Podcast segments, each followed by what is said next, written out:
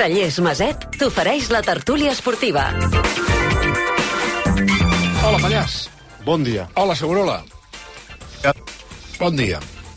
Hola, Rico, bon dia. Egunon. Euron. Euron. Hola, Laia Coll, bon dia i bona hora. Hola, bon dia. I ja està, eh? No continua Jonathan Giraldez, oi? No, no continua, ho està fent oficial ara mateix el tècnic en una roda de premsa convocada ahir a última hora, una roda de premsa que s'està portant a terme a la sala de premsa del Johan Cruyff i que ha començat amb Jonathan Giraldez agafant el torn de paraula. De moment porta un, un speech de 8 minuts en el que ha confirmat que no continuarà sent entrenador del Barça més enllà del 30 de juny del 2024. Eh, yo le comuniqué al club eh, hace escasos días que mm, tenía la intención de no renovar mi contrato. Consideré que el timing el que estaba utilizando pues eh, permitía a que el club se pudiese eh, organizar con el mayor tiempo posible en el mes de diciembre con siete meses de antelación para que pudiesen buscar el mejor futuro para, para la sección, para el primer equipo femenino.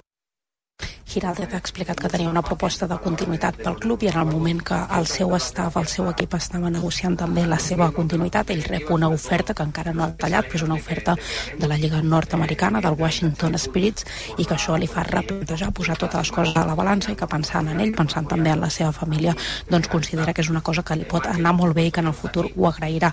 Comenta que no està desgastat, però, com us dic, pel seu futur ha considerat que era millor acceptar aquesta nova oferta de la Lliga Nord-Americana. Moltes gràcies, Laia. Qualsevol cosa ens ho fa saber, d'acord? Fins ara. Vinga, fins ara, moltes gràcies. Uh... Són les 11 i 11 minuts i anem a parlar del que del que toca, que és del Barça i de, i de, i de les crítiques i... Què, Joan Ju? Què? Va sorprendre molt l'altre dia quan vas escriure allò que el Xavi estava molt, com molt em, emprenyat amb el lobby guardolista. Em va sorprendre molt. No, mm -hmm. Va sorprendre molt perquè desconeixia Primer que, primer que algun dia s'haurà de posar noms i cognoms al lobby. Ho dic perquè estaria bé posar-ho, perquè si no queda això com molt... I això, si són ells, que els, que els posin ells. I si jo, no és que sigui el lobby guardolista, és a dir, jo, jo, soc, jo soc guardolista perquè, entre altres coses, tinc una molt bona relació amb el Pep, i, però, però, però vull, vull que les, les coses li surtin no bé, no. Molt bé. Ara, què està fent? Que, pregunto, eh, de debò, des de la meva ignorància. Què considera l'entorn de... o el Xavi, que està fent el lobby guardolista? Bueno, pr primer eh, hem, hem de reconèixer tots plegats que eh, el, el Barcelona, l'entorn, etc etc som especialistes en crear eh, batalles, batalletes Mm. eh, i, i antipaties i trinxeres, etc etc. Jo sempre recordo l'escena aquella de Monty Python Mm. on cada un dels... Eh, dels jueus que estan discutint, al final són tres i cada un representa un partit polític Eh, diferent. sí, sí, sí. Eh, quan les coses van malament, doncs eh, aquest tipus de, de coses doncs, eh, supuren i, i ara doncs, el moment del Barça no és bo. El, és veritat que el, que el Xavi crec que, crec que mm, a vegades perd massa energia en pensar o en estar pendent del que escriuen d'ell o d'opinen d'ell. És normal, tots ho tenim, això. O sigui, Sí, sí, clar. no ens agrada que ens critiquin però crec que el que millor, quan, quan, en especial quan, quan fas eh, d'entrenador del Barça, és focalitzar-te en la teva feina, perquè en, en tant en tu ho facis eh, bé, aquest tipus de crítiques eh, minvaran. I sí, hi ha una sensació per part de Xavi i de la, de la seva gent eh, que gent propera a Guardiola o digue-li doncs, eh, periodistes o, o, o no periodistes també doncs eh, no sé no l'ajuden o, o, o el critiquen i, i ell eh, doncs així ho considera eh, vull dir, jo informo No, no, sí, sí, sí, No, sí em sembla no, bé. no, però no. jo, jo, jo no conec Informo cap... d'això, cap ho, ho posava cap- dintre del, No, no, no, no, article parlo que, per- que escrivia l'altre dia jo, eh, com una de les circumstàncies que, diguem, que, que accentuen el nerviosisme o que són eh, pistes que, que ajuden a entendre el perquè de segons quines coses, i sí, està decebut amb, amb, amb això. Ell té... Deu, un- suposo, suposo que deu parlar, suposo que deu parlar dels seus dels amics de, del Xavi que també ho són de Guardiola.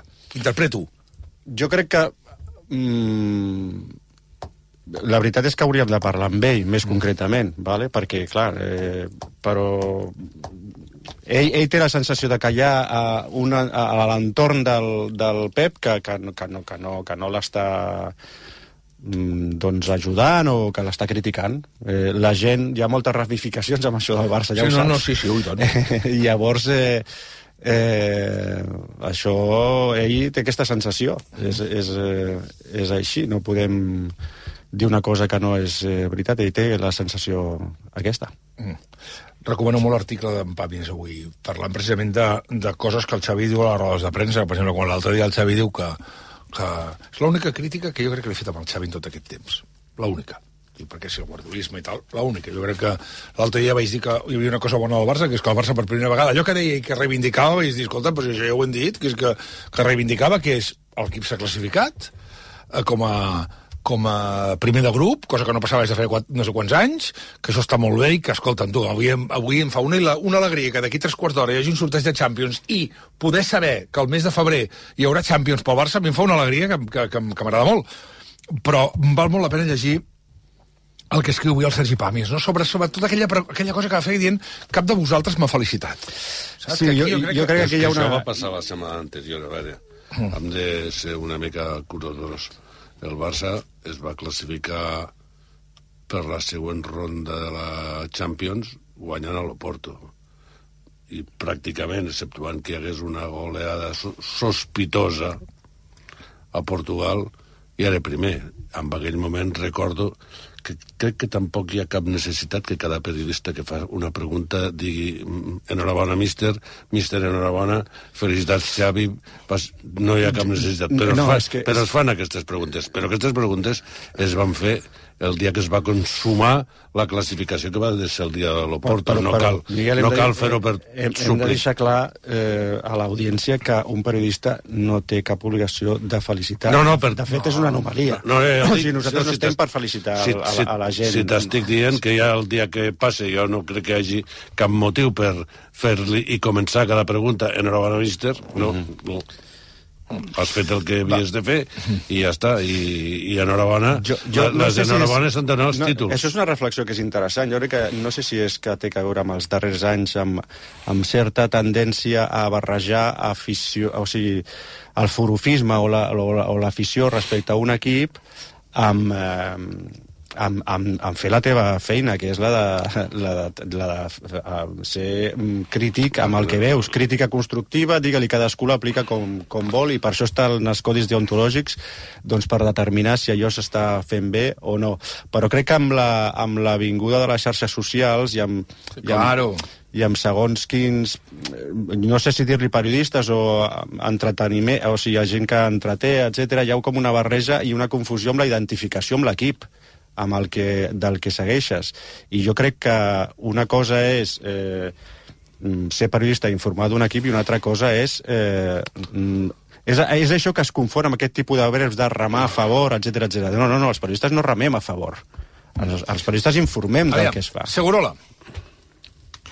Yo creo que eh, estamos entrando, o el Barça está entrando, o Xavi, en la letra pequeña, y eso yo creo que es malo. Yo creo que el entrenador, eh, el club, tienen que tener una mirada bastante más alta que em, buscar enemigos por todas partes. Es decir, la visión paranoica de la vida nunca es buena. Mm. No es buena porque debilita mucho. Y creo que en ese sentido em, da la sensación de que Xavi, que es un mito del Barça y que ha entrado en unas condiciones duras del club, pero muy favorables a él. Es decir, él llegó como un salvador de, del Barça, aceptado por todos, y al final, eh, hasta los mitos tienen problemas cuando sus equipos no ganan, o tienen, o juegan mal, o no están a las alturas de las expectativas.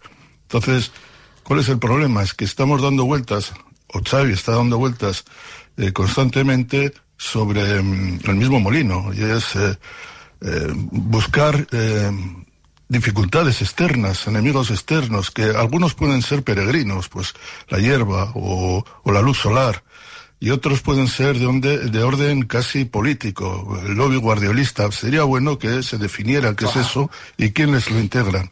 Y, y, si, y, y, que, y también sería bueno Eh, evidentemente, esta es una opinión de, de Joanju, porque no le he oído nunca a Xavi decirlo esto en público, pero digamos que algo queda de todo esto. Y la impresión que, que, que yo tengo, por lo menos desde fuera, porque estoy a muchos kilómetros de vosotros, es que eh, se está distrayendo con cosas que, que, que, son pequeñas o que están en, en su mente y que le perturban, pero que para mí le hacen trabajar y le hacen el equipo trabajar peor de lo que deberían. Es decir, si cada partido hay un debate sobre una cosa tan pequeña o sobre cosas pequeñas, sobre lo que él considera injusto, porque da la impresión de que Xavi considera que se está cometiendo una injusticia con él, pues me parece que eso es dar sensación de debilidad. Y no debería hacerlo, porque tiene todavía tiene los argumentos para sentirse fuerte. Todos los entrenadores de los grandes clubes, y no estoy hablando de, de, de Quique Setién, que, que llegó en momento difícil, entrenadores que han ganado ligas y ligas seguidas y que han ganado Copas del Rey, por ejemplo, Valverde lo pasaron muy mal y estu- estuvieron sujetos a críticas enormes, internas, externas. Es la cruz. Y de la misma manera que ahora la gente está muy contenta con Ancelotti, pues no estaba muy contenta el año pasado cuando se iba fuera eh, y no ganó ni un solo título. Estas son las, las cosas que parece mentira que estemos hablando de ellas, pero que en el caso de Xavi es que le veo con la piel muy fina, demasiado fina, demasiado, demasiado sensible, aspectos que sinceramente me parecen menores, muy menores, porque los mayores son otros, los mayores son jugar bien, clasificarse, clasificarse bien, ganar puntos, si es posible no estar a siete puntos del primero y estas cosas. Són les 11 i 21 minuts, anem al partit. Val? D'aquí uns moments. Un segon, sisplau, que tornem. Vinga. El món a RAC1 amb Jordi Basté. 11 i 24 minuts. Continuem amb la, amb la tertúlia aquí al món, a, al món recuperant de futbol eh, sobre la sobre la victòria del, del... Perdó, la victòria no, sobre l'empat del... Hola, Joan Maria Pou! M'he vingut, és que l'acabo de veure aquí, el Joan Maria Pou. No, que, està, que estàvem parlant del, de l'empat a un del, del València amb el Barça i de l'eliminació i de- la pròxima... Passa, passa, ja, Joan Maria, ets aquí, la gent no entendrà que no vinguis. Aviam, um, del partit de l'altre dia respecte a la Champions, després en parlem, però respecte al partit de l'altre dia, uh, ahir també ho escrivia el seu a La Vanguardia, que és no li podem imputar a Xavi que el, que el que davant no fotin gols. Aviam, jo, jo no sóc sospitós perquè porto no. molt, amb aquesta teoria porto, tor, porto molt de temps i em repeteixo una mica com l'Ai, però, però jo crec que aquest partit de l'altre dia, si, si, si l'estudiem aïlladament, és a dir, sense la contaminació que portem ja de mesos i, i anys, diria, eh, amb el Barça irregular, eh, seria un partit més que acceptable. I atribuiríem eh, tot a una mm, falta de punteria, mala sort. Què passa? Que estem ja amb un desgast de tant de temps que, i a més mirem la classificació i jo crec que es dramatitza perquè, perquè és normal, perquè el, el Barça ja porta molt de temps eh, patint i a més està allunyant de la Lliga, veus el Madrid que va com un tiro i tal, però jo crec que si la reflexió és més àmplia, eh, torno a on sempre, jo crec que vam fer un... Uh, vam mm, concluir tots que, el, que l'era post-Neymar es va gestionar d'una manera lamentable i calamitosa doncs fa dos anys i mig que va marxar Messi i jo crec que els substituts de Messi doncs eh, s'han gestionat mm, fatal. Va. És a dir, jo, no, jo veig davanters eh, els davanters que han vingut a substituir a Messi ja no entro amb, amb, amb tot l'episodi que va suposar la seva marxa i tal perquè ja vam parlar en, eh, durant molt de temps però la gestió esportiva esportiva que s'ha fet del cràter que deixa Messi, el millor jugador de la història del Barça, no és bona, ja és hora de dir-ho, perquè han passat dos anys i mig. Rafinha és un jugador de segona fila, Ferran Torres és un jugador de segona fila, és així, és així. I Lewandowski es va fitxar gran, el primer any ha sortit molt bé, i ara estem mm, eh, decidint si és una crisi de davanter centre o és una crisi d'edat. Bueno. I ara hem de veure si eh, Vitor Roque és un miracle perquè amb 18 anys li fotrem una pressió a sobre que, Bueno. que s'acaba de casar Tothom- i està amb, Bueno, amb és- viatge de noces, o sigui, Tothom parla de no la ningú això, és això és un problema addicional eh, que fa molts anys que passa al Barça. Aquest cap de setmana he estat mirant algunes dades perquè em, em, em fa l'efecte que eh, estem al Barça amb una piràmide invertida. El Barça de tota la vida ha apostat per gent jove eh, que entrava a l'equip però continuava el que li deien procés de formació. És a dir, que tu podies veure a Iniesta en 18 anys al camp del Brujas, però potser tardaves 6 o 7 mesos a tornar-lo a veure amb, amb jugant amb el primer equip. I quan jugava amb el primer equip, ell era un complement, un, un noi per acompanyar, perquè la resta de la plantilla eren jugadors de que en deien vaques sagrades, eh, que tenien prou potencial i prou, prou personalitat per aguantar la pressió i ajudar als joves amb aquesta fase de formació. Des de fa anys el que està passant aquí al Barça és que els joves que entren a l'equip o es queden a l'equip o se'n van del club. No hi ha formació de joves. I trobes amb una plantilla amb el Pedri de 8 o 19 anys titular des del primer dia, el Gavi en 17 anys titular des del primer dia, el Yamal en 16 anys que la gent demana que jugui cada dia i això és fer les coses absolutament a l'inrevés de com s'han estat fent tota la vida. Per tant, no és una cosa que es pugui solucionar en dos dies, ni que hi hagi cap entrenador que la pugui solucionar. El que sí pot solucionar un entrenador és que els que surtin tinguin compromís en l'escut. I a l'última pilota de Mestalla no miren al cel com si estigués eh, baixant un globus aerostàtic quan és la pilota i no la busca ni el porter ni els centrals. I quan tu veus el Rafinha, el Rafinha, que és el tio que està pressionant el, el noi del València que fa el gol, mentre els centrals i els defenses no fan el que han de fer. A veure, Joan Maria Pou, què tal? Bon dia. Hola, bon dia. Perdona per l'atrac de menor armada. Ara, un segon, perquè d'aquí uns moments tenim una trucada que em sembla molt interessant de fer. No té res a veure amb el futbol, eh? Però abans, Joan Maria, què? jo crec que el partit de, de Mestalla hi ha, hi ha diverses coses molt ràpides. Una, és evident que eh, el Barça juga millor que els últims partits. que passa que tampoc era tan difícil jugar millor que els últims partits. Per tant, tot em basa en que les sensacions que transmet el joc són millors que els últims dies. Totalment. Però jo crec que el llistó estava baix.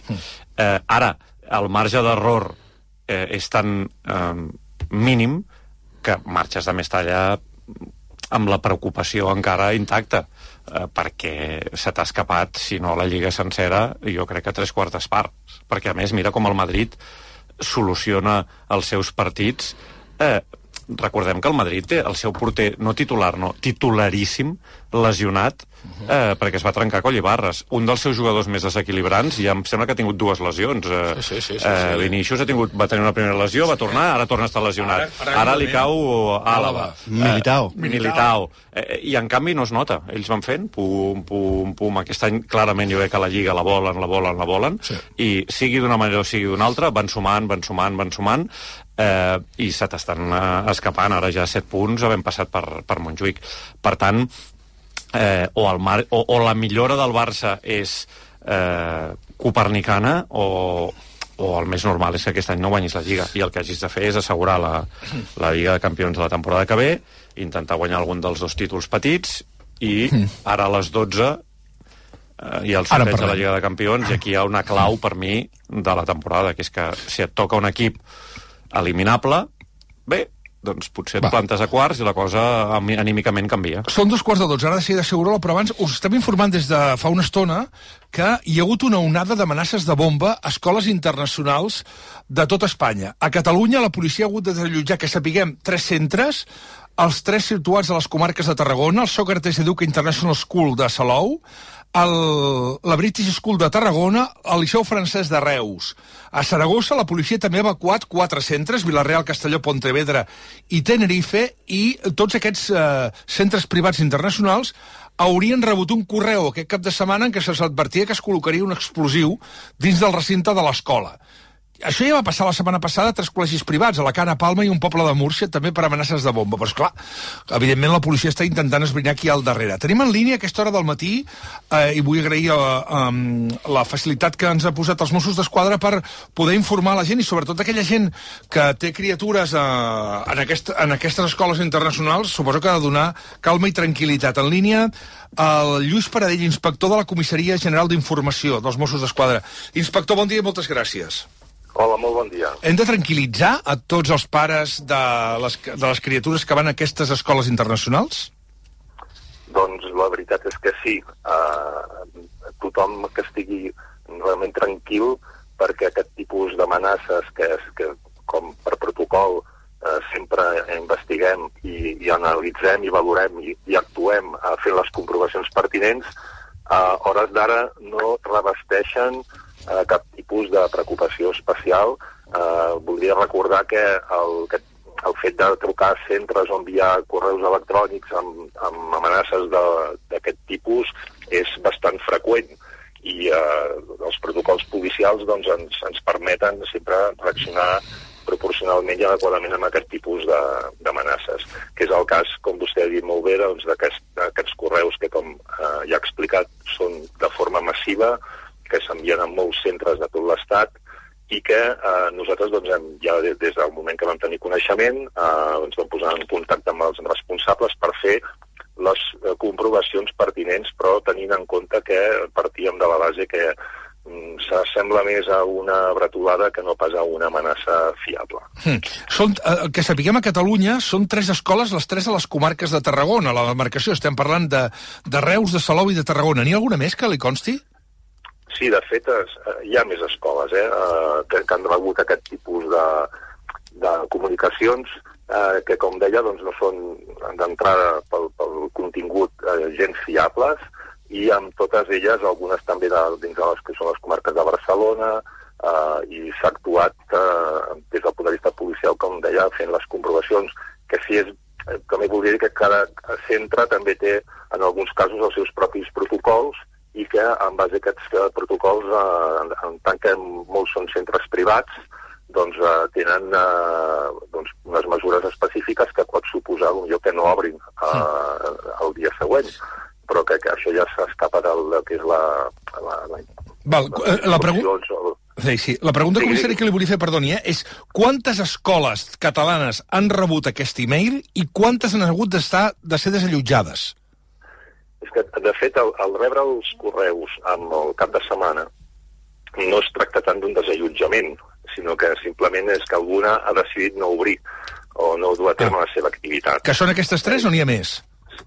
Que ens consti, eh, en el nostre cas només seria una, en el cas de Catalunya. Quina seria? En tot cas, jo no voldria especificar D'acord, d'acord. una en concret perquè mm, repeteixo que estem parlant d'un nivell d'amenaça que no, eh, no li donem excessiva fiabilitat, no? I que això forma part del protocol d'aquella escola. I això no vol dir que eh, les escoles que no actuïn amb el mateix protocol eh, siguin més insegures en absolut, sinó que eh, aquest tipus de, de missatge que ens consta també que s'ha enviat amb diferents, eh, diguéssim, onades, eh, poden haver altres escoles en un moment donat que hagin també rebut o que rebin aquest tipus de, de comunicació, perquè, com li comento, doncs, és d'escassa fiabilitat. Uh -huh. Per tant, les altres que han rebut aquestes amenaces per correu han, han, han obert eh, malgrat les amenaces i, o perquè s'han revisat o perquè han parlat amb els Mossos, interpreto. Sí, sí, igual que ha passat amb, amb moltes escoles de la resta de l'Estat que, que, que s'han enviat en moltíssimes altres províncies de, eh, i demarcacions de l'Estat i s'han fet totes les comprovacions i, i és absolutament segur continuar amb l'activitat docent d'aquest centre. Val. Hi ha algun indici de saber qui ha pogut ser l'autor d'això? Doncs no, la veritat és que no, així com en algun tipus d'amenaces, eh, doncs sovint a, a la persona, a les persones o el grup que fa aquestes amenaces intenta justificar aquella acció eh, en base a alguna reivindicació, en aquest cas és absolutament anònim, eh, és, com li deia, més proper a una bretolada que no pas a una amenaça seriosa i no s'associa absolutament en cap eh, moviment, eh, ni agrupació, ni cap tema ideològic que pugui haver al, al, al darrere. Per tant, si és una bretolada, serà fàcil d'esbrinar qui ha estat, no? bueno, ja depèn justament de, dels mitjans que hagin Ah, fet servir i de, bueno, de la investigació que, que s'ha s'ha obert i les posteriors accions que es facin doncs, eh, permetran esbrinar aviam qui hi ha al darrere, en tot cas ja, ja se sabrà. Mm. Sí, sí. Pou, vols fer alguna No, pregunta? jo, a mi simplement m'agradaria saber si es pot explicar, és que no sé si es pot explicar, com, com es distingeixen les amenaces Que són certes que i cal que no tenir en certes. compte o les que realment... Perquè eh, eh, el, eh, està, està sent molt contundent dient no, això és una bretolada. Uh -huh. Per tant, entenc que tenen, diguéssim, uns mecanismes com per dir, escolti, això no s'aguanta per enlloc, o aquí sí que compta que... Correcte. No? I, Mhm. i, ja, ens pot explicar com, com, com ho fan, diguéssim? Miri, eh, em permetran que no els expliqui el detall, perquè si no estaria donant pistes Ja. de, justament de com fer amenaces fiables, que crec que tampoc ens convé. Eh? En tot cas, eh, com a especialistes que som en aquest tipus de situacions, eh, coneixem perfectament eh, com acostumen a ser aquest tipus d'amenaces i hi ha tota una sèrie d'elements que ens permeten discriminar eh, d'entrada a l'hora de fer una primera valoració. Però independentment de la valoració, com és aquest cas, i ens trobem doncs, amb un nivell d'alerta terrorista, doncs, com tots vostès coneixen, determinat, i eh, posem igualment en marxa els protocols, com fem sempre, per fer les comprovacions i descartar la més mínima possibilitat, eh, tot i que considerem d'entrada que no té fiabilitat. I aquest és una mica el procediment. Però sí que, els, evidentment, coneixem quins són els possibles eh, eh, grups o persones que es dediquen a fer aquest tipus de, de, de, de comunicacions, eh, no estic dient amb el nom i cognom eh, aquestes persones, però sí com es fan, eh, portem l'experiència doncs, policial en aquest sentit ens ho, ens ho atorga, i això ja ens permet fer una discriminació a l'hora de valorar quin és el, el grau de perillositat que pot tenir aquella amenaça. Molt bé. Eh, moltes gràcies, inspector, i molta sort. Que vagi bé. També, si em permet, I tant. I, per, i per traslladar aquesta tranquil·litat a, a, la- a l'audiència, no? Vull dir, eh, com sap, demà el, el cos de Mossos tornarà a celebrar un acte de gabinet de coordinació antiterrorista en el que justament de cara a les, a les festes de Nadal i tot aquest període doncs, tornarem a fer una valoració on també es comenten eh, situacions com aquesta que estem mm, avui eh, comentant amb vostès. I per tant doncs, a la policia estem eh, perfectament a sobre i intentant doncs, eh, atribuir el nivell de, de perillositat i de risc que té cada una de les situacions sense justament intentar traslladar un alarmisme totalment innecessari. Doncs queda clar. Moltes gràcies, inspector, per, la, per, la, per les explicacions. Uh, aquí al Mont Arreco. Gràcies, bon dia. 11 i 39 minuts. Ens queda, res, que, que en un minut uh, Santi Segurola ens expliqui què li va semblar el partit del Barça i, i ara preguntaré de seguida per quin rival sí i quin rival no d'aquí una estona al sorteig de la Champions. Segurola, digues. Bueno, me voy a referir a, a la tesis de, de Joanjo. Es cierto, el, el Barça no tiene delanteros a la altura de lo que uno espera en el- del Barça, pero también hay que decir que es que ninguno de los grandes delanteros que hace ocho años, siete años, seis años, querrían venir al Barcelona de cabeza o al Madrid. Es decir, el Madrid y el Barça se estarían disputando la, contratación de Mbappé o de Haaland o de Bellingham. ese, ese tiempo ha pasado para el Barça, por lo menos ahora mismo. Yo creo que ha fichado lo mejor que podía fichar, en su opinión, con algunas, eh, yo diría, algunas deficiencias. Para mí ha pagado muy caro por jugadores que en algún caso casi no deberían estar en el Barça, y creo, no solo en la delantera. Y sí me parece que en ese sentido hay que ser críticos también. Pero eh, sí que es necesario decir que el Barça no está en condiciones de tener ese tipo de delantero que te asegure una fiabilidad eh, total o casi total. Ese tiempo ha pasado porque el Barça no está ni a la altura del Madrid, ni de los clubes ingleses, ni tan siquiera del Paris Saint-Germain, yo diría. Y, y- y tiene que aceptar su posición, que ahora mismo no está en el primer nivel del mercado, está en el segundo o en el tercero. Esa es la realidad. Y la otra cuestión que se me ocurre es que eh, está el Barça en tercer, tercer o cuarta posición. Eso es así. Si gana hoy el Girona, se coloca con nueve puntos de ventaja al Barça. Entonces, la, la posibilidad de que entren más nervios en el Barça es que los que están por detrás, la Real Sociedad o el Athletic, que solo está un partido del Barça, 32, empiecen a presionar por el cuarto puesto. Y este sí que es un problema de verdad. Molt bé. Aviam, qui sí i qui no. Valen? Pallàs. El PSB, que sí, PSV Eindhoven, ah, sí. i el PSG, que no. Que no. Val. Uh, Pou. Copenhagen, eh, PSG, ni en pintura. Ni en pintura. Perquè és que estic veient a Dembélé eliminant el Barça. Ai, calla. Enrico. Lazio sí, Copenhague no. Tio. Endavant. Segurola. Segurola. que... No, yo, yo creo... Jo puc eh, argumentar, eh? No, no cal. Hau- Hauries de... Digues de, digues de, digues.